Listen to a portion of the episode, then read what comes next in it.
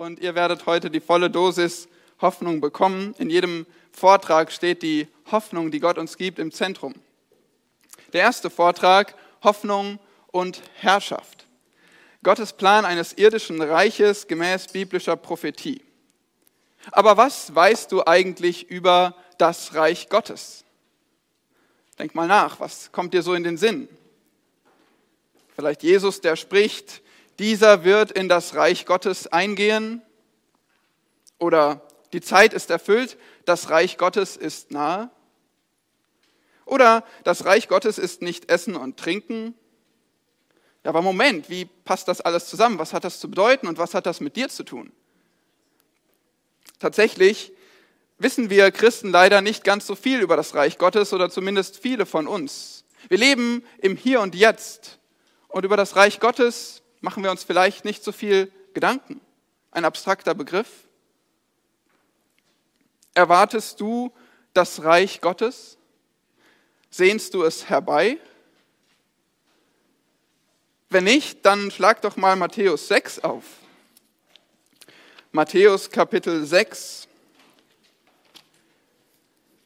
Dort steht nämlich ein bekanntes Gebet.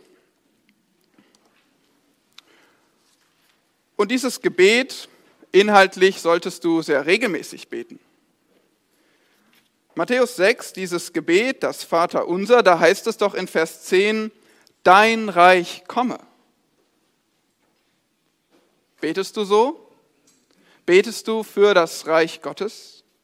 Und ein paar Verse weiter, Vers 33, gut bekannt, trachtet vielmehr zuerst nach dem Reich Gottes und nach seiner Gerechtigkeit, so wird euch dies alles hinzugefügt werden.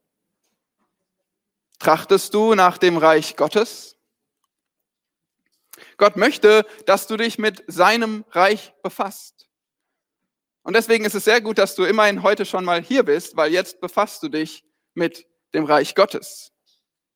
Ja, wir können sogar sagen, dass das Reich Gottes das zentrale und verbindende Thema der ganzen Schrift ist. Dieses Reich Gottes, was vielleicht jetzt noch etwas abstrakt in deinem Kopf ist, ist das Thema der Bibel. Die Bibel handelt von, Gott, von Gottes Königreich vom ersten bis zum letzten Kapitel. Es ist zentral in der alttestamentlichen Geschichte, in der Prophetie, im Leben Jesu und in der Eskatologie des Neuen Testaments. Es ist eng verbunden mit Hauptthemen wie Bündnissen, Verheißung, Erlösung, Ehre Gottes.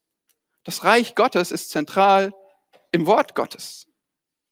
Und tatsächlich ist es daher eine Tragödie, wenn du als Christ nichts mit dem Reich Gottes anfangen kannst.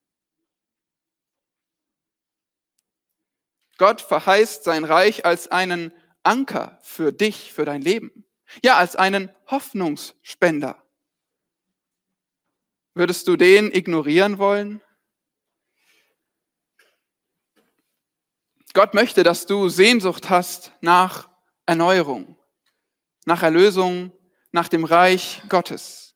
Und so ist unser Ziel für diesen Vortrag, dass wir durch die ganze Bibel gehen, von 1. Mose 1 bis Offenbarung 22 und das Reich Gottes in seiner Größe und seiner Zentralität in der Bibel sehen. Natürlich können wir nur die Vogelperspektive einnehmen und irgendwie anhand von einigen wichtigen Stellen den roten Faden nachverfolgen. Aber das ist dann deine Einladung, weiterzumachen. Dir vielleicht ein paar von diesen Stellen genauer anzuschauen und zu verstehen, was es damit auf sich hat. Bevor wir unsere Tour starten, möchte ich einige Vorbemerkungen geben.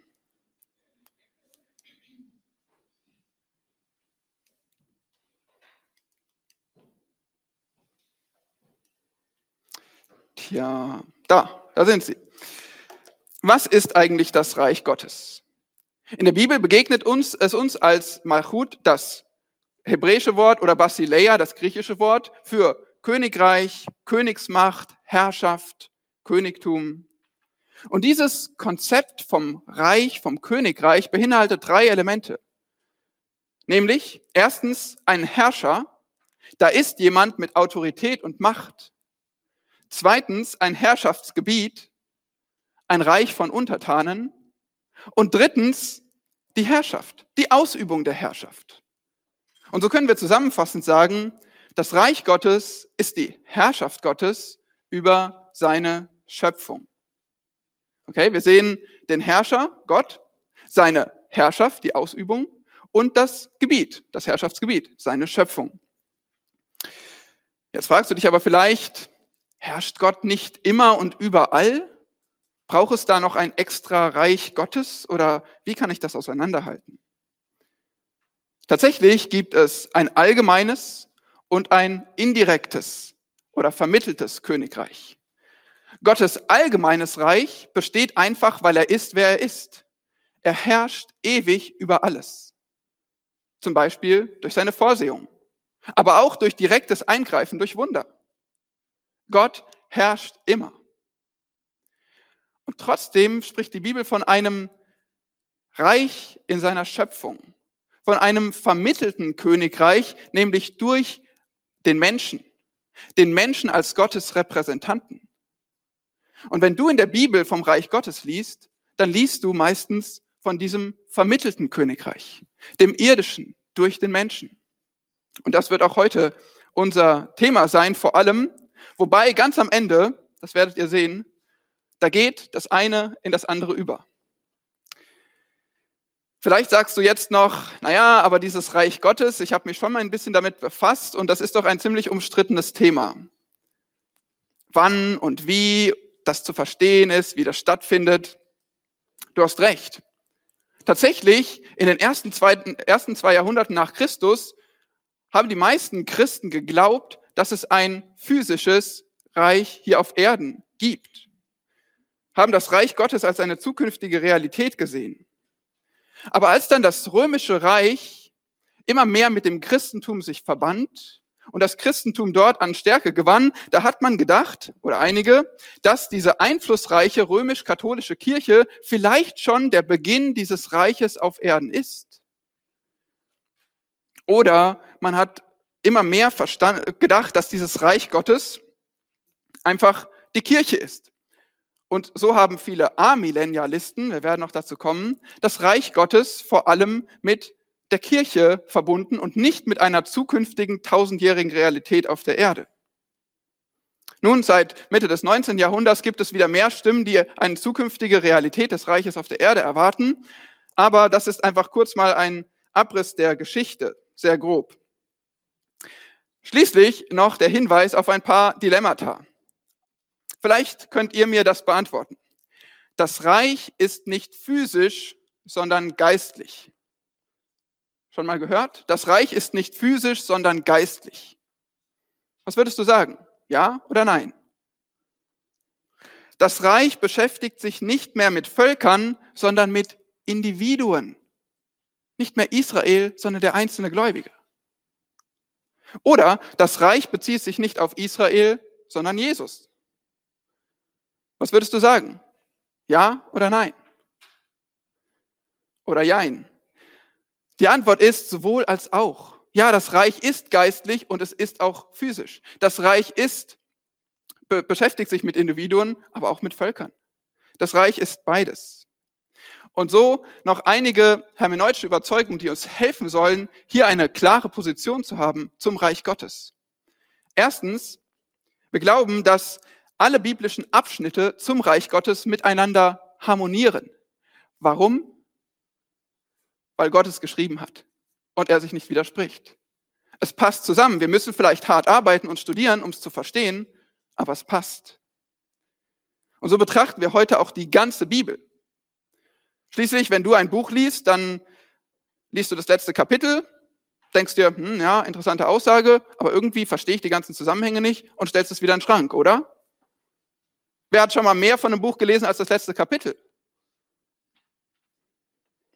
Aber wenn wir doch an die Bibel rangehen, dann gehen wir zur Offenbarung und sagen, die Offenbarung, die muss uns alles erklären über das Reich Gottes. Und dann streiten wir vielleicht über Offenbarung 20, über das Reich Gottes da, über das Millennium, aber ignorieren alles, was davor geschrieben ist? Nein, wir müssen die ganze Bibel betrachten. Grammatisch-historische Hermeneutik, das kennt ihr, dass uns das wichtig ist. Wir glauben, dass wir so die Absicht des Autoren, die Absicht Gottes identifizieren können. Wenn wir auf Vokabular, Grammatik, historischen Hintergrund, Genre achten. Einige vergeistlichen Texte, interpretieren sie neu, interpretieren sie um. Aber wir glauben, dass wir den Text so verstehen müssen, wie er ursprünglich gegeben wurde. Und zwar jeden Text im Alten Testament und Neuen Testament. Drittens, die neutestamentlichen Texte bauen auf Bedeutungen der alttestamentlichen Texte auf. Das liegt daran, dass das Alte Testament genauso inspiriert ist wie das Neue Testament. Das Alte Testament ist genauso klar und wichtig. Und wir dürfen nicht einfach gleich ins Neue Testament springen, weil Gott hat angefangen zu sprechen mit 1. Mose und nicht mit Matthäus. Und das Neue Testament, das setzt einen Handlungsstrang fort. Und wir müssen verstehen, was denn vorher kam. Ihr Lieben, Gott musste nicht uminterpretieren, weil er ist der Autor von 1. Mose und von Könige und von Richter und von Jesaja. Er musste nicht uminterpretieren im Neuen Testament und Stellen Bedeutung geben, die sie niemals hatten. Und das sind jetzt alles ein paar Überzeugungen, Behauptungen. Und jetzt könnt ihr mit mir durch die Bibel springen und sehen, was denn diese Texte sagen und ob es denn einen roten Faden zu entdecken gibt, der tatsächlich diese Klarheit über das Reich Gottes lehrt. Also, nehmt gerne eure Bibeln zur Hand, aber wenn es euch etwas schnell geht, die Texte sind auch abgedruckt auf den Folien. Trotzdem ist es ein wunderbares Gefühl, die Bibel von 1. Mose 1 bis Offenbarung 22 durchzugehen. Also ich lade euch dazu ein. Und wir werden so Stück für Stück, Baustein für Baustein das Reich Gottes in der Bibel identifizieren. Hier seht ihr passend dazu eine Krone. Könnte sie auch eine Krone des dreieinigen Gottes nennen. Und wir werden sehen, wie sich das Bild von Gottes Königsherrschaft füllt. Nummer eins die Schöpfung des Reiches. Und ihr habt die ganzen Punkte auch auf eurem Handout, damit ihr euch konzentrieren und nicht so viel schreiben müsst. Die Schöpfung des Reiches, das kennen wir. Im Anfang erschafft Gott das Universum, Himmel und Erde, 1. Mose 1, Vers 1. Und Gott sah alles, was er gemacht hatte, und siehe, es war sehr gut. Das ganze Reich der Schöpfung ist sehr gut. Nun gibt es ein Mandat zur Herrschaft. Gott sprach, 1. Mose 1, 26, lasst uns Menschen machen nach unserem Bild, uns ähnlich. Die sollen herrschen über die Fische im Meer und über die Vögel des Himmels und über das Vieh und über die ganze Erde, auch über alles Gewürm, das auf der Erde kriecht. Gott macht den Menschen in seinem Bild als seinen Repräsentanten und sagt ihm, du hast einen Auftrag. Herrsche über dieses Herrschaftsgebiet, was ich geschaffen habe, über meine Schöpfung.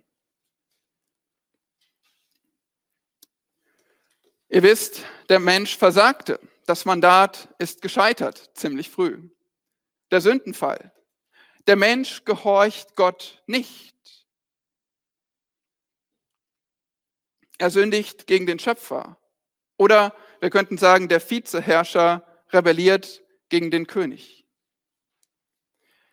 Das Mandat ist nun unerreichbar, denn es kommt zum Fluch und der Mensch ist für immer Sünde und Tod unterworfen. Er ist für immer unfähig, Gottes Auftrag auszuführen. Die Geschichte könnte hier enden. Interessanterweise, wenn wir weiterlesen in der Bibel und zu Psalm 8 kommen, da sehen wir, dass Gott Bezug nimmt auf 1. Mose 1,26, auf dieses Mandat zur Herrschaft. In Psalm 8, da heißt es, ab Vers 5, was ist der Mensch, dass du an ihn gedenkst, und der Sohn des Menschen, dass du auf ihn achtest? Du hast ihn ein wenig niedriger gemacht als die Engel, mit Herrlichkeit und Ehre hast du ihn gekrönt. Du hast ihn zum Herrscher über die Werke deiner Hände gemacht. Alles hast du unter seine Füße gelegt. Schafe und Rinder allesamt, dazu auch die Tiere des Feldes, die Vögel des Himmels und die Fische im Meer, alles, was die Pfade der Meere durchzieht. Hier nimmt Gott Bezug auf diesen Auftrag, über die Erde, über alles, was sich ihn erregt, zu herrschen. der Mensch hat diesen Auftrag auch noch gemäß Psalm 8 nach dem Sündenfall. Nur leider kann er ihn nie erfüllen. Und er hat ihn niemals erfüllt. Das Mandat ist unerreichbar. Und deswegen gibt Gott direkt die Verheißung des Herrschers. 1. Mose 3, Vers 15 kennen wir sehr gut. Ich will Feindschaft setzen zwischen dir, der Schlange, dem Satan, und der Frau, zwischen deinem Samen und ihrem Samen. Er wird dir den Kopf zertreten und du wirst ihn in die Ferse stechen. Es gibt einen Samen der Frau, es gibt einen Menschen, der herrschen wird oder dem Satan den Kopf zertritt, der Gottes Plan erfüllt und Gott die Ehre zurückbringt. Und auf diesen Menschen wird gewartet. Ja, in 1. Mose 4 und 5, ihr habt das auch genau studiert in den Predigten, da sehen wir, wie die Erwartung da war von diesem verheißenen Erlöser.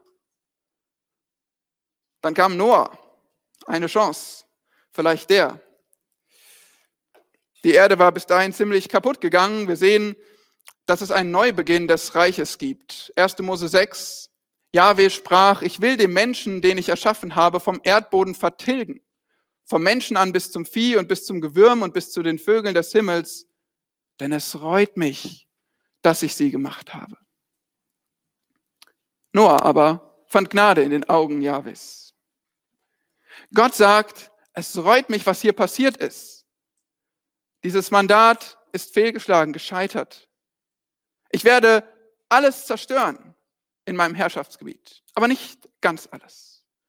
Etwas bleibt übrig. Und auch ein Mann, der findet Gnade in meinen Augen. Und so geht die Linie des Menschen, des Samen der Frau weiter. Die Stabilität des Reiches wird verheißen nach der Sintflut. Und Jahwe roch den lieblichen Geruch und Jahwe sprach in seinem Herzen, ich will künftig den Erdboden nicht mehr verfluchen um des Menschen willen, obwohl das Trachten des menschlichen Herzens böse ist von seiner Jugend an. Auch will ich künftig nicht mehr alles Lebendige schlagen, wie, es, wie ich es getan habe. Von nun an soll nicht aufhören Saat und Ernte, Frost und Hitze, Sommer und Winter, Tag und Nacht, solange die Erde besteht. Obwohl die Menschen so böse sind, wie wir gerade gelesen haben, sagt Gott, ich werde sie nicht komplett vernichten. Das Herrschaftsgebiet bleibt bestehen. Ich schenke ihm Stabilität und ich, Gott, werde meinen Plan erfüllen. Wir kommen zu den Nationen des Reiches. Eigentlich hätte, hätten die Menschen ja schon lange die Erde füllen sollen, fruchtbar sein, sich mehren. Sie klumpten alle zusammen, wie ihr wisst, und deswegen verteilte, äh, verwirrte Gott ihre Sprachen, 1. Mose 11, Vers 9, und zerstreute sie von dort über die ganze Erde. Hier führt Gott Sprachen ein, Völker, Nationen, Unterschiede, ethnische Unterschiede und legt damit auch schon die Grundlage, dass es eine Nation geben wird, die allen anderen Segen bringt die Nation des Herrschers. 1. Mose 12, Vers 1 bis 3 lesen wir, wie Gott zu Abraham spricht. Ab Vers 2, ich will dich zu einem großen Volk machen und dich segnen und deinen Namen groß machen. Und du sollst ein Segen sein. Ich will segnen, die dich segnen und verfluchen, die dich verfluchen. Und in dir sollen gesegnet werden alle Geschlechter auf der Erde. Hier erwählt Gott den Abraham und seine Nachkommen, um sein Instrument, sein Werkzeug zu sein, Segen zu bringen für alle Völker und durch ihn auch seinen Plan des Königreiches zu erfüllen. Einem Nachkommen von Abraham, dem Juda, wird eine wunderbare Verheißung gemacht in 1. Mose 49. Ab Vers 9, Juda ist ein junger Löwe. Mit Beute beladen steigst du, mein Sohn, empor. Er hat sich gekauert und gelagert wie ein Löwe, wie eine Löwin. Wer darf ihn aufwecken? Es wird das Zepter nicht von Juda weichen, noch der Herrscherstab von seinen Füßen, bis der Shiloh kommt und ihm werden die Völker gehorsam sein. Durch Juda soll das Königreich kommen, durch seine Nachkommen. Der Shiloh, der Ruhe bringt, der die Verheißung erfüllt. Wir sehen hier das Bild des Löwen, ja, den Löwen aus dem Stamm Juda der auf dem Thron sitzt. Wir sehen die Herrschaft über Heiden. Und würden wir noch ein bisschen weiterlesen, sehen wir, dass Zustände wie im Garten Eden verheißen werden. In Gottes Königreich. Bewahrung Israels. Das Volk wächst heran, wird größer. Gott schenkt Wachstum. Es wird bewahrt in der Zeiten der Hungersnot und kommt nach Ägypten. Und selbst in Ägypten heißt es 2. Mose 1, Vers 7, die Kinder Israels waren fruchtbar, regten und mehrten sich und wurden so zahlreich, dass das Land von ihnen voll wurde. 2. Mose 1 spricht wie 1. Mose 1. Fruchtbar und mehren, mehren, das taten die Israeliten. Gott schenkte diese Gnade und füllte die Erde. Leider wurden sie auch versklavt, unterdrückt. Aber selbst da lesen wir in Vers 12, dass Gott sie bewahrte, dieses Volk. Wir sehen den Dienst Israels. Wozu hat er sie berufen? Er befreit sie aus der Sklaverei, erlöst sie und gibt ihnen einen Auftrag. 2. Mose 19, Vers 5 bis 6a. Wenn ihr nun wirklich meiner Stimme Gehör schenken und gehorchen werdet und meinen Bund bewahrt, so sollt ihr vor allen Völkern mein besonderes Eigentum sein, denn die ganze Erde gehört mir. Ihr aber sollt mir ein Königreich von Priestern und ein heiliges Volk sein. Gott verfolgt seinen Plan des Königreiches durch eine Nation, Israel. Diese Worte aus 2. Mose 19, die zeigen uns auch schon diesen Bund, den Gott schließt mit Israel. Wenn ihr nun wirklich meiner Stimme Gehör schenken und gehorchen werdet und meinen Bund bewahrt. Gott möchte Gehorsam. Und Gott zeigt uns hier, dass es Bedingungen gibt für Erfüllung von Verheißungen. Moment. Ja, Gott hat Abraham Versprechen gemacht, die er definitiv erfüllt. Gott hat auch David später solche Versprechen gemacht. Gott steht zu seinen Verheißungen. Aber wir lernen hier durch den Bund mit Israel, dass es eine Bedingung gibt. Dass Gott seine Verheißung erfüllt, das steht fest. Aber wann? Das hängt oft vom Gehorsam der Menschen, von den Reaktionen der Menschen ab. Und so lesen wir das auch in diesem Bund mit Israel, 5. Mose 27, 28, Fluch, Segen. Erwählt euch, was ihr tun möchtet und was ihr erben möchtet dafür. 5. Mose 30, da sehen wir sogar, dass Israel definitiv scheitern wird, den Bund brechen wird. Aber trotzdem sagt Gott, du wirst umkehren. Und dann wird er seine Verheißung erfüllen und Überfluss schenken. Nun, Gott erfüllt zumindest schon mal die Verheißung des Landes. Unter, wir sehen verschiedene Anführer wie Mose, Josua, die Richter, später die Könige. Und unter Josua, da führte Gott sie ins Land. So gab Yahweh Israel das ganze Land, von dem er geschworen hatte, es ihren Vätern zu geben. Und sie nahmen es in Besitz und wohnten darin. Ein Herrschaftsgebiet. Israel ist die Welt im Kleinen, der Mikrokosmos für das, was in der ganzen Schöpfung geschehen soll. Hier ist das Herrschaftsgebiet einer Nation. Und es wird auch ein König dieser Nation kommen. Denn das Königreich Israels wird kurze Zeit später, oder für uns kurze Zeit später, aufgerichtet. Es hat schon ein paar hundert Jahre gedauert. Und zwar versagen die Führer und das Volk Israels immer wieder. Und irgendwann sehen sie sich nach einem König. Ja, sie begehren einen König aus falschen Motiven, wollen sein wie die Heiden. Aber Gott sagt, höre auf ihre Stimme und setze einen König über sie ein. Saul führt das Volk als erster König, aber nicht nach dem Herzen Gottes. Und Gott erwählt sich einen Mann nach seinem Herzen, den David. So kommen wir zum Bund des Königs, weil diesem David, den macht Gott eine wunderbare Verheißung. 2. Samuel 7, Vers 12. Wenn deine Tage erfüllt sind und du bei deinen Vätern liegst, so will ich deinen Samen nach dir erwecken, der aus deinem Leib kommen wird und ich werde sein Königtum befestigen. Und später Vers 16, dein Haus und dein Königreich sollen ewig Bestand haben vor deinem Angesicht. Dein Thron soll auf ewig feststehen. ein Königreich, durch eine Nation, durch ein Haus. Gott verfolgt seinen Plan. Der Bund Davids ist immer wieder Thema in der Bibel. Lest nun mal die Königspsalmen. Immer wieder wird Bezug darauf genommen, dieses Versprechen, was Gott dem David und seinen Nachkommen gegeben hat. Wir kommen zum Aufstieg des Reiches. Dieser geschah schon unter David und dann vor allem auch unter Salomo erreichte er seinen vorläufigen Höhepunkt. Großen Volk, schönen Land, vielen Segnungen, internationalem Ansehen. Die Verheißungen, die Gott gegeben hat für ein Königreich auf Erden durch seinen Repräsentanten, die schienen im Begriff erfüllt zu werden.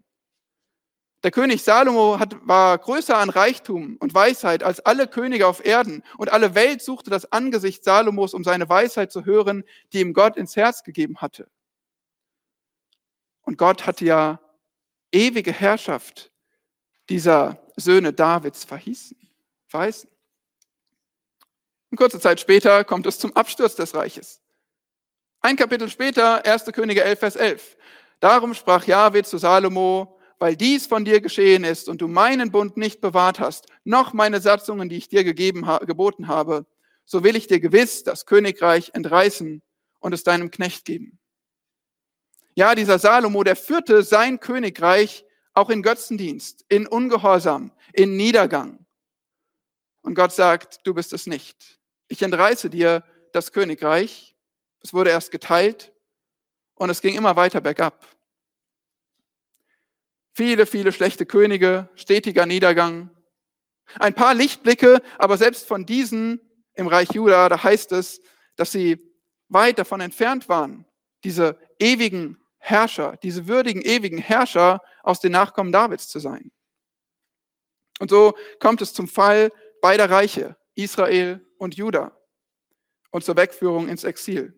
Ja, in Hesekiel 8 bis 11 lesen wir sogar, dass die Herrlichkeit Gottes aus dem Tempel wich. Gott machte so deutlich, so nicht. Das ist nicht das Reich, was ich aufrichte. Hier erfülle ich nicht meine Verheißung. Und dann kommen wir zur prophetischen Literatur, die sehr, sehr wichtig ist. Die Prophetie des Alten Testaments, die uns so viel lehrt über das Reich Gottes. Nochmal, wenn ihr etwas lernen wollt über das Königreich Gottes, dann fangt nicht im Neuen Testament an, fangt nicht in der Offenbarung an, lest die Propheten des Alten Testaments und schaut darauf, was Gott für Verheißungen gegeben hat. Nun, erstmal gibt Gott Ankündigungen zur Vorbereitung des Reiches. Daniel 9, Vers 24 bis 27 sind da ein wichtiger Abschnitt, wie Gott sein Volk zuerst reinigt und rettet. Daniel 9, Vers 24, über dein Volk und über deine heilige Stadt sind 70 Wochen bestimmt, um der Übertretung ein Ende zu machen und die Sünden abzutun, um die Missetat zu sühnen und eine ewige Gerechtigkeit herbeizuführen, um Gesicht und Weissagung zu versiegeln und ein Allerheiligstes zu salben. Und wenn ihr das kompliziert findet, dann seid dankbar, dass ich nicht noch die nächsten Verse gelesen habe. Ja, wir müssen da tief einsteigen. Aber Gott kündigt an, es gibt Reinigung, sein Volk muss auch bestraft werden. Und es dauert noch eine ganze lange Zeit. Diese 70 Wochen stehen für viel mehr als 70 Wochen. Und es dauert eine lange Zeit, bis dieses Reich aufgerichtet wird. Ja, was wird noch passieren? Jesaja 24 gibt uns einen Einblick in das Gericht der ganzen Welt, auch bekannt als der Tag des Herrn. Wie heißt es dort? Jesaja 24 ab Vers 20. Die Erde wird hin und her taumeln wie ein Betrunkener und schaukeln wie eine Hängematte. Ihre Missetat lastet schwer auf ihr. Sie fällt und steht nicht wieder auf. Und es wird geschehen an jenem Tag, da wird Jahwe, das Herr der Höhe, in, die Höhe, in der Höhe heimsuchen und die Könige der Erden, der Erde auf Erden. Gott bringt Gericht über die Nationen, über ihre Könige. Gott bringt Gericht über die ganze Schöpfung. Und was uns da erwartet, sehen wir sehr deutlich in den Prophetien des Alten Testaments und dann auch in der Offenbarung. Aber ebenso wird ein neues Reich angekündigt. Gerade hier in Jesaja 24 heißt es im letzten Vers, da wird der Mond erröten und die Sonne schamrot werden.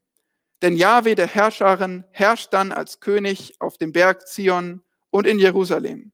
Und vor seinen Ältesten ist Herrlichkeit. Gott verheißt ein Reich, in dem er selbst regiert, in dem er regiert durch den Messias, in dem er das David verheißene Reich aufrichtet. Ja, Amos 9, Vers 11 zeigt uns das. An jenem Tag will ich die zerfallene Hütte Davids wieder aufrichten und ihre Risse vermauern und ihre Trümmer wiederherstellen und sie wieder bauen wie in den Tagen der Vorzeit. Und ich werde sie einpflanzen in ihr Land und sie sollen aus ihrem Land, das ich ihnen gegeben habe, nicht mehr herausgerissen werden, spricht Yahweh, dein Gott. Er steht zu seinen Verheißungen an die zerfallene Hütte Davids am Boden und verspottet. Aber Gott richtet aus dieser zerfallenen Hütte ein Reich auf. Und er gibt ihnen das Land zurück, was sie verloren hatten. In Jesaja 2 und 19 lesen wir, dass die Nationen mit dem Volk Israels verbunden sein werden. Gott wird sie alle zusammen ein Volk nennen. Mit unterschiedlicher Identität und trotzdem alle ein Volk. Denkt an die Nationen damals, an Edom, an äh, Assyrien, an Ägypten. Nationen, die Israel Hasser waren. Denkt an die Nationen heute, wie sie Israel hassen. Und Gott sagt, alle Nationen zusammen, verbunden, als ein, mein Volk. Das wird das neue Reich sein. Zustände werden uns aufgezeigt wie in Eden. Jesaja 11, Joel 4, Hesekiel 47. Uns fehlt die Zeit, das zu lesen.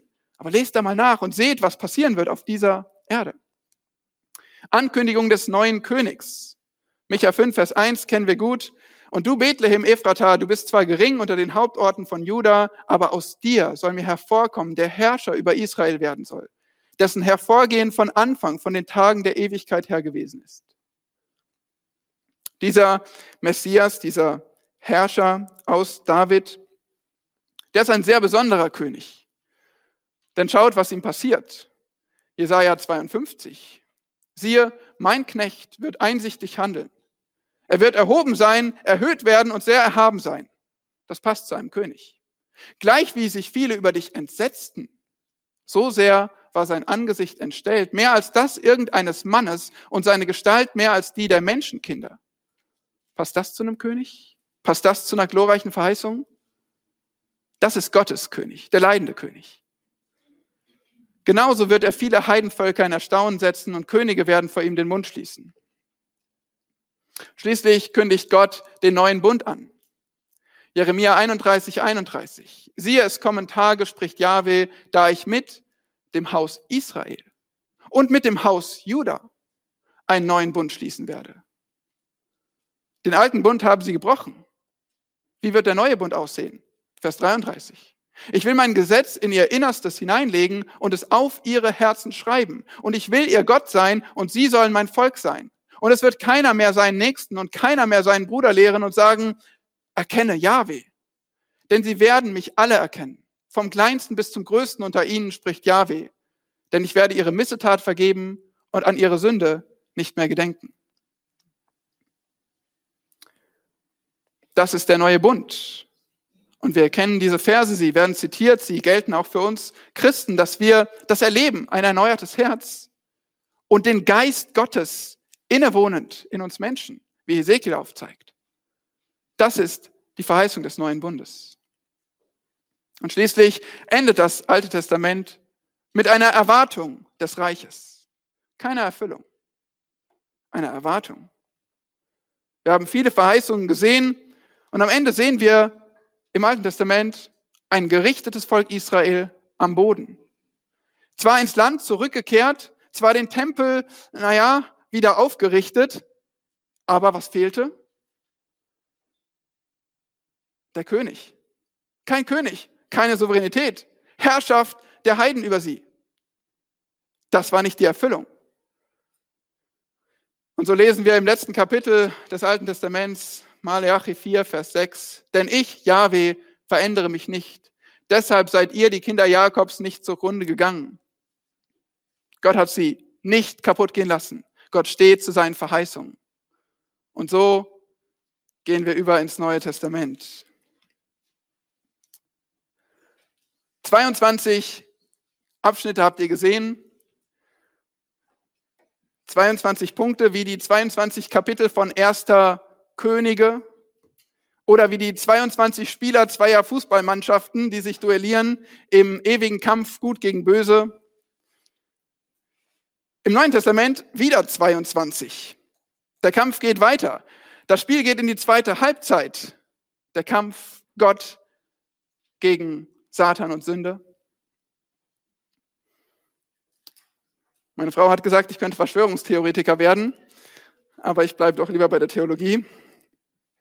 Aber 22 Punkte auch im Neuen Testament, wie wir sehen, dass Gott den Plan seines Reiches verheißt und umsetzt. Wie beginnt das Neue Testament? Genauso wie das Alte aufgehört hat. Nämlich mit Erwartung des Reiches. Da war Maria, Zacharias, die Weisen, die jüdischen Führer, Herodes, Simeon, Hannah, sie hatten alle eine Erwartung. Und was erwarteten sie? Dass nun alles, was im Alten Testament gesagt wurde, vergeistlicht wird. Wirklich? Dass alles irgendwie umgedreht wird und uminterpretieren ist. Was sagt Zacharias? Gepriesen sei der Herr, der Gott Israels, denn er hat sein Volk besucht und ihm Erlösung bereitet und hat uns aufgerichtet ein Horn des Heils in dem Haus seines Knechtes David, wie er es verheißen hat durch den Mund seiner heiligen Propheten, die von alters her waren. Das erwartete Zacharias und mit ihm sein Volk Israel. Keineswegs ändert sich alles vom Alten Testament zum Neuen Testament. Hier sind wir im Neuen Testament und die Erwartung ist dieselbe. Es kommt Johannes, der Vorläufer des Königs. In jenen Tagen aber erscheint Johannes der Täufer und verkündigt in der Wüste von Judäa und spricht, tut Buße, denn das Reich der Himmel ist nahe herbeigekommen. Er definiert nicht, er spricht vom Reich der Himmel, was den Israeliten ein Begriff war. Und er sagt, tut Buße, weil es ist jetzt ganz nahe. Das ist sehr, sehr wichtig. Denn kurze Zeit später tritt dort Jesus, der Messias, auf. Und Jesus wird getauft. Und als er getauft war, da stieg er sogleich aus dem Wasser und siehe, da öffnete sich ihm der Himmel und er sah den Geist Gottes wie eine Taube herabsteigen und auf ihn kommen. Die beste Erklärung dafür ist wohl, dass es seine Salbung ist. Als Messias, als der Gesalbte, als der König, als der Priester. Hier steht der König. Deswegen ist das Reich nahe. Dieser König, der wird in die Wüste geführt. Warum denn das? Er wird versucht vom Satan. Aber Gott möchte das. Der Geist führt ihn in die Wüste. Wie begann denn das Alte Testament? Mit Versuchung vom Satan. Der erste Adam wurde versucht. Hier steht der zweite Adam, der letzte Adam. Und er wird versucht. Aber er scheitert nicht. Er bleibt standhaft. Und so verkündigt Jesus von da an. Und was ist seine Botschaft? Mal schauen, ob ihr euch erinnert, was wir gerade gelesen haben. Jesus sagt, tut Buße, denn das Reich der Himmel ist nahe herbeigekommen. Kennt ihr irgendwoher, oder? Ja. Das Reich der Himmel ist nahe. Warum? Weil der König hier steht. Und Jesus lehrt seine Jünger. Er sagt ihnen, wie sie denken sollen über das Reich, wie sie leben sollen, schon jetzt. Und er lehrt sie zu beten. Dein Reich komme, dein Wille geschehe wie im Himmel so auf Erden. Noch war es nicht da. Es sollte kommen. Aber es war ganz, ganz nah. Und obwohl das Reich noch nicht da war in der Bergpredigt, werden uns dort schon die Erfordernisse des Reiches gelehrt, gezeigt, wie denn Bürger des Reiches leben sollen. Und so heißt es, trachtet vielmehr zuerst nach dem Reich Gottes, nach seiner Gerechtigkeit. So wird euch dies alles hinzugefügt werden. Das war die Verkündigung des Königs. Nun, seine Verkündigung stützt er mit Autorität. Die Autorität des Königs, die sehen wir demonstriert durch seine Wunder, die stets seinen Dienst begleiteten und zeigten, hier hat jemand alle Macht über die Schöpfung. Und wir sehen sie demonstriert durch die Dämonen. Jesus selbst sagt, wenn ich aber die Dämonen durch den Geist Gottes austreibe, so ist ja das Reich Gottes zu euch gekommen. Versteht ihr? Hier ist ein König, der Herrschaft, Macht hat über die ganze Schöpfung. Und deswegen ist das Reich Gottes sehr, sehr nah. Leider haben sie das nicht begriffen. Das Volk und vor allem geleitet von seinen Führern. Die Städte Israels widerstehen der Botschaft vom Reich. Und die Führer Israels verwerfen ihn. Matthäus 12, Vers 24 steht stellvertretend. Als aber die Pharisäer es hörten, sprachen sie, dieser treibt die Dämonen nicht anders aus als durch Beelzebul, den obersten der Dämonen. Sie verkannten ihren König. Sünde gegen den Heiligen Geist. Und was macht der König? Er dreht um. Er wechselt die Richtung. Er zieht sich zurück. Matthäus 12, am Ende haben wir gerade gelesen. Das nächste Kapitel, Matthäus 13, da fängt Jesus an, in Gleichnissen zu sprechen. Acht Stück in Matthäus 13. Und warum das? Die Jünger fragten ihn, warum redest du in Gleichnissen mit ihnen? Er aber antwortete und sprach zu ihnen, weil es euch gegeben ist, die Geheimnisse des Reiches der Himmel zu verstehen, jenen aber ist es nicht gegeben. Jesus hat die Richtung gewechselt. Den einen gibt er keine neue Offenbarung, aber den, denen es gegeben ist, sie zu verstehen, denen, die sich mit ihm und mit seinem kommenden Reich verbinden, denen gibt er jetzt neue Offenbarung. Das wird hier eingeleitet, dass Jesus neue Offenbarung gibt, neue Wahrheiten. Es sind Geheimnisse. Geheimnisse nämlich über eine Zeit, die wir im Alten Testament nur ganz wenig sehen und erahnen können. Nämlich eine Zwischenzeit zwischen erstem und zweiten Kommen. Ja, der König ist hier, das Reich war nahe, weil er ist da, aber jetzt wechselt er die Richtung und sagt, es gibt ein zweites Kommen und es gibt eine Zwischenzeit. Und ich lehre euch Wahrheiten über diese Zwischenzeit. Matthäus 13, 52, da sagte er zu ihnen, darum gleicht jeder Schriftgelehrte, der für das Reich der Himmel unterrichtet ist, einem Hausvater, der aus seinem Schatz Neues und Altes hervorholt. Jesus holt Neues hervor. Er lehrt neue Wahrheiten über eine Zwischenzeit, über die wir noch nicht so viel wussten. Aber er holt auch Altes hervor. Er bestätigt nämlich die Offenbarung des Alten Testaments. So kommt es zur Verzögerung des Reiches. Jesus beginnt in Matthäus 16 über die Gemeinde zu lehren. Ein Schlüssel für diese Zwischenzeit. Und Jesus beginnt zu lehren, Vers 21, von da an begann Jesus seinen Jüngern zu zeigen, dass er nach Jerusalem gehen und viel leiden müsse von den Ältesten, den obersten Priestern und Schriftgelehrten und getötet werden und am dritten Tag auferweckt werden müsse.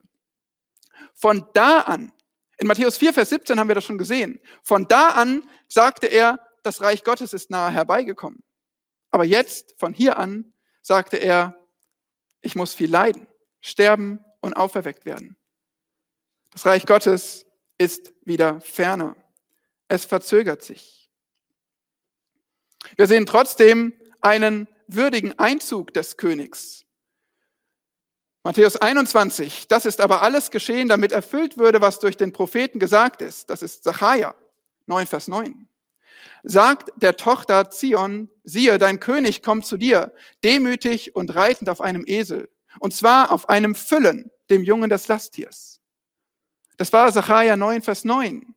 Und 9, Vers 10 spricht über Jesu Königsherrschaft, aber das wird nicht zitiert, das ist noch nicht passiert. Jesus gibt einen anderen Ausblick. Matthäus 23. Jerusalem, Jerusalem, die du die Propheten tötest und steinigst, die zu dir gesandt sind. Wie oft habe ich deine Kinder sammeln wollen, wie eine Henne ihre Küken unter die Flügel sammelt aber ihr habt nicht gewollt. Siehe, euer Haus wird euch verwüstet gelassen werden. Denn ich sage euch, ihr werdet mich von jetzt an nicht mehr sehen. Worte des Gerichts, weil sie haben ihren König verworfen.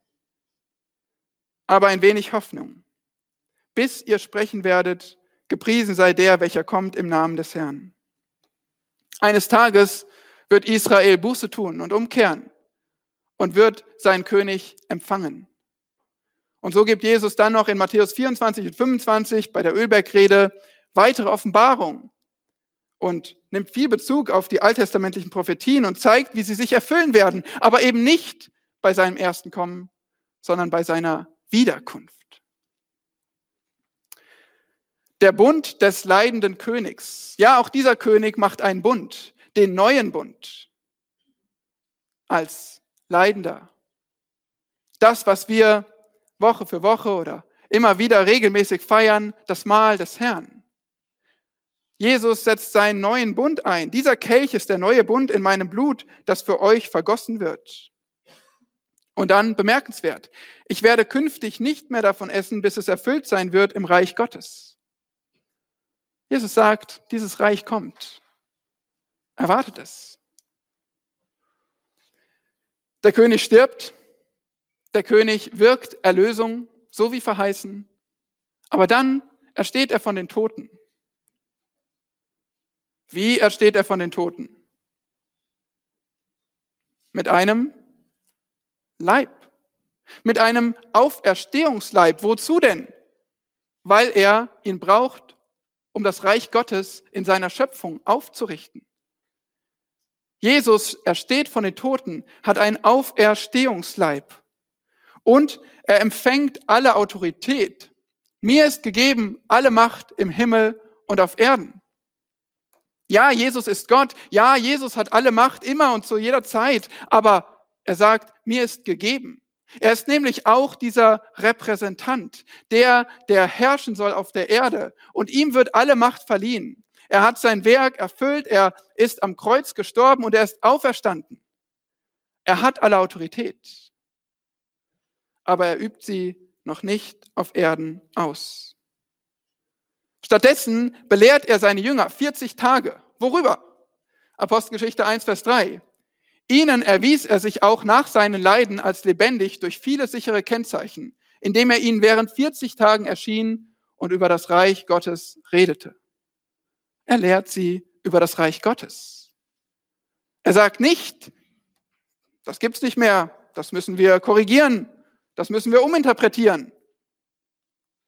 Ja, die Jünger, die fragen ihn sogar, Herr, stellst du in dieser Zeit für Israel die Königsherrschaft wieder her?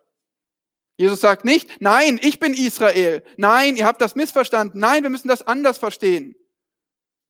Stattdessen sagt er, es ist nicht eure Sache, die Zeiten oder Zeitpunkte zu kennen, die der Vater in seiner eigenen Vollmacht festgesetzt hat. Es kommt. Aber ihr wisst nicht wann und ihr braucht nicht spekulieren, weil ihr habt einen wichtigen Auftrag in der Zwischenzeit, bis es kommt. Vers 8. Ihr werdet Kraft empfangen, wenn der Heilige Geist auf euch gekommen ist. Und ihr werdet meine Zeugen sein in Jerusalem und in ganz Judäa und Samaria und bis an das Ende der Erde.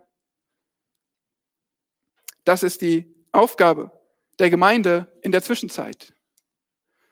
Der König fährt auf in den Himmel, Apostelgeschichte 1.11.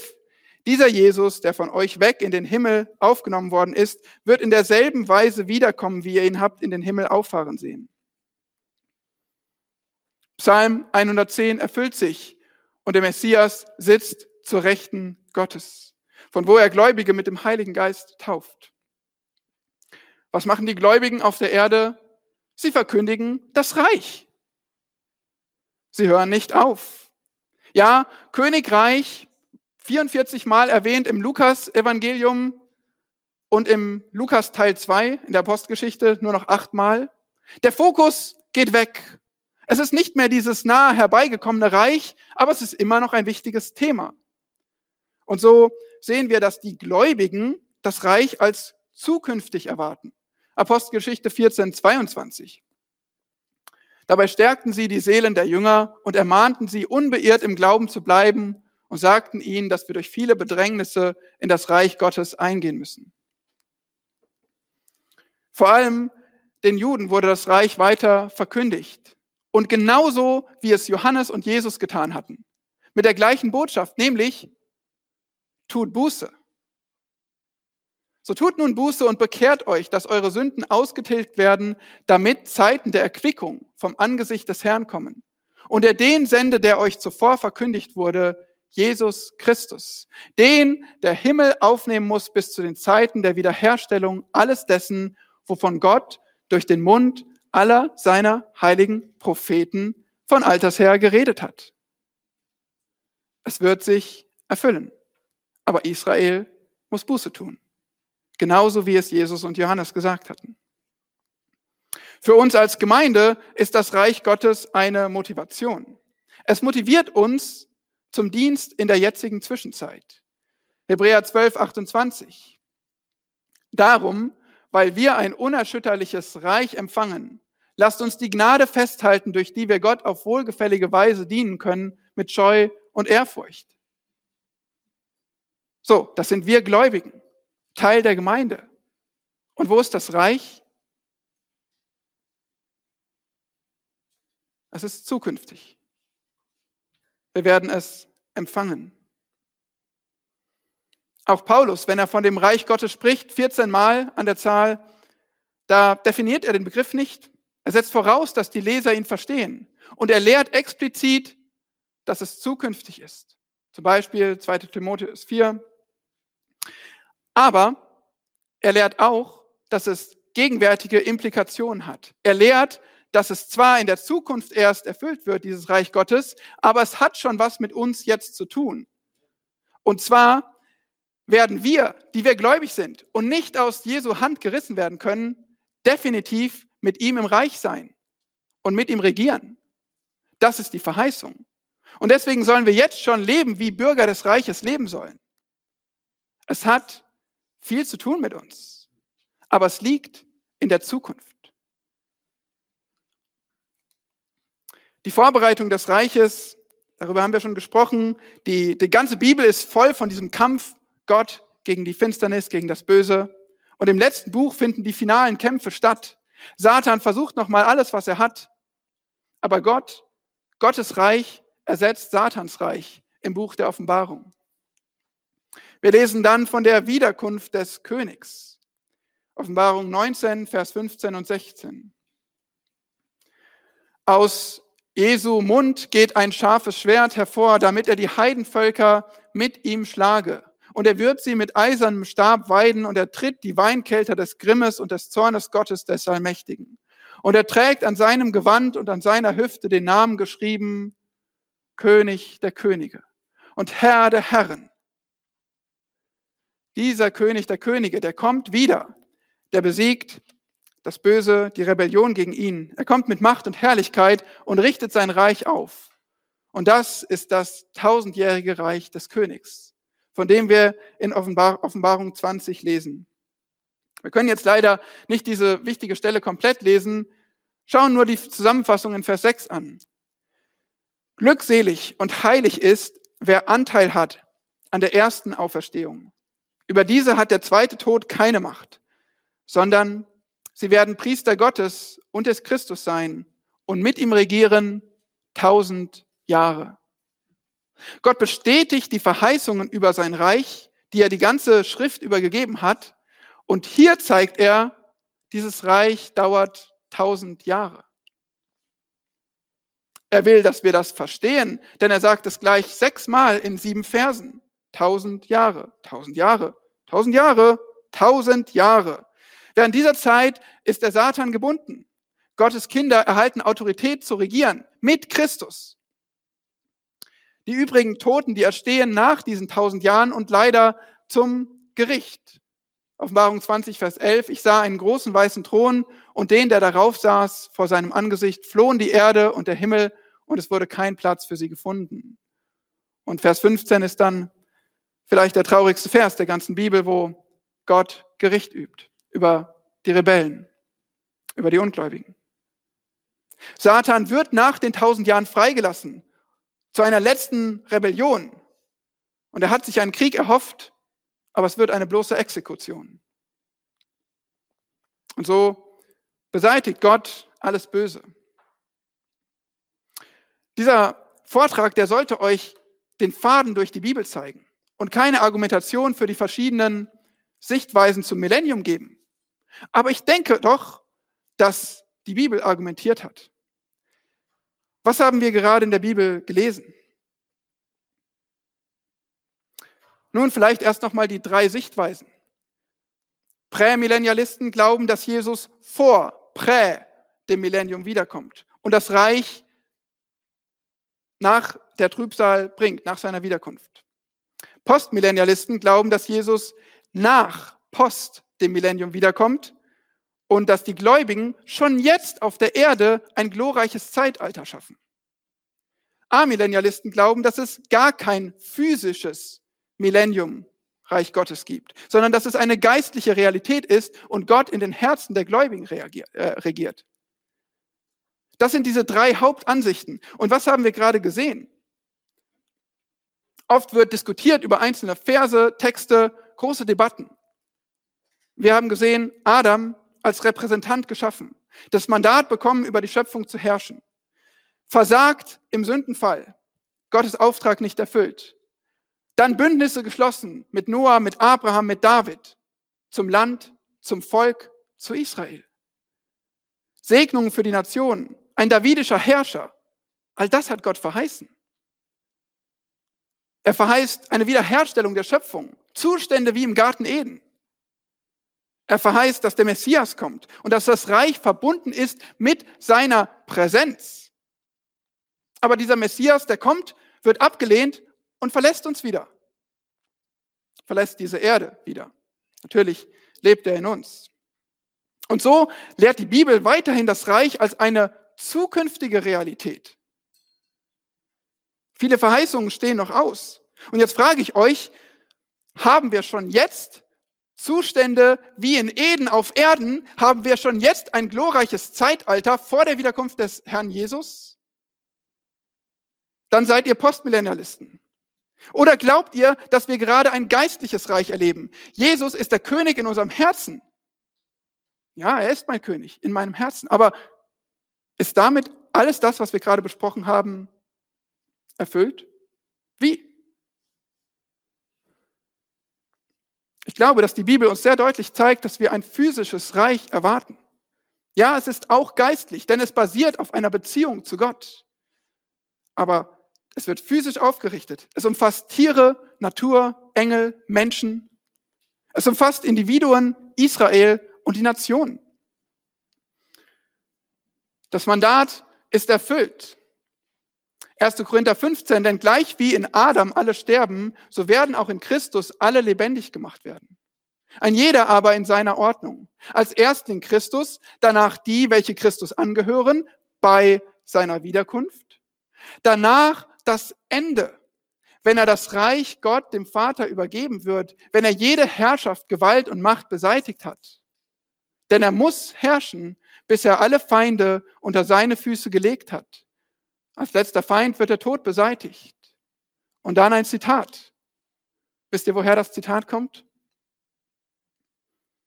Aus Psalm 8. Denn alles hat er seinen Füßen unterworfen. Und wisst ihr, womit Psalm 8 verbunden ist, was er aufgreift? 1. Mose 1, 26. Das Mandat des Menschen, über Gottes Schöpfung zu herrschen. Und genau das erfüllt Jesus Christus. Und wenn er all das erfüllt hat, dann übergibt er das Reich Gott, dem Vater. Vers 28. Wenn ihm aber alles unterworfen sein wird, das ist Christus, dann wird auch der Sohn selbst sich dem unterwerfen, der ihm alles unterworfen hat, damit Gott alles in allen sei. Und dann lesen wir von dem ewigen Reich des Königs. Dann lesen wir davon, Offenbarung 22, Vers 3, es wird keinen Fluch mehr geben und der Thron Gottes und des Lammes wird in ihr sein und seine Knechte werden ihm dienen. Dann lesen wir vom Thron Gottes und des Lammes, von Gott vereinigt, ewiger Herrscher über die neue Schöpfung das neue Jerusalem, den neuen Himmel und die neue Erde, von denen wir heute noch viel hören werden. Dann im tausendjährigen Reich ist der Fokus auf Christus, dem König der Könige, dem Herrn der Herren, der die Verheißungen erfüllt, der über Israel und die Nationen herrscht in seinem Land. Aber hier hat Jesus das Mandat erfüllt. Tausend Jahre lang. Wie alt wurde der älteste Mensch? 969, Jesus herrscht tausend Jahre und zeigt selbst das längste Leben vorher. Alles ist anders. Menschen leben für tausend Jahre und sterben gar nicht mehr. Ich demonstriere euch, dass ich den Plan erfüllt habe. Und wenn Jesus das alles getan hat, übergibt er das Reich dem Vater und Gott ist alles in allem, der Vater und der Sohn gemeinsam auf dem Thron.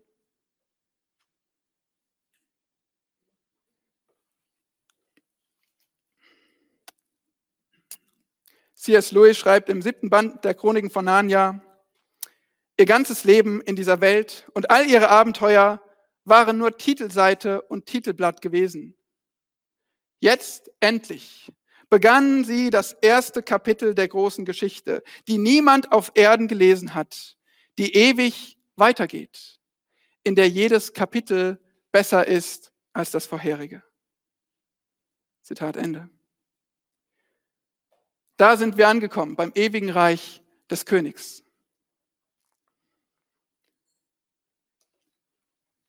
Was weißt du nun über das Reich Gottes? Geh dem weiter nach. Du als Gemeindeglied, ihr als Gemeinde, ihr seid nicht das Reich Gottes. Aber ihr seid mit Gottes Plan von seinem Reich verbunden. Ihr seid Kinder und Erben des künftigen Reiches. Ihr werdet dort leben und mit herrschen. Ihr werdet mitgesegnet durch die Erfüllung seiner Verheißungen. Und ihr habt schon jetzt Teil an geistlichen Segnungen dieses künftigen Reiches. Und deswegen die Ermutigung an euch. Vertieft, vertiefe dein Verständnis über das Reich. Du hast schon viel gehört und jetzt geh dem nach. Es ist eine Lehre voller Hoffnung, voller Liebe, voller Ehre Gottes. Bau darauf auf. Freue dich und habe Hoffnung auf diese wunderbare Zukunft, die Gott uns bereitet. Sehne dich danach und bete, dein Reich komme. Richte dein Leben darauf aus und trachte nach dem Reich Gottes. Und rufe auch Ungläubige in das Reich Gottes einzugehen. Wie? Johannes 3, Vers 3 durch Wiedergeburt. Rufe sie einzugehen in das Reich und warne sie vor dem ansonsten kommenden Gericht Gottes. Dem König der Ewigkeit aber, dem unvergänglichen, unsichtbaren, alleinweisen Gott, sei Ehre und Ruhm von Ewigkeit zu Ewigkeit. Amen. Das ist unser Gebet, großer Gott. Wir ehren dich als unseren König. Hilf uns, dir wohlgefällig zu leben. Amen.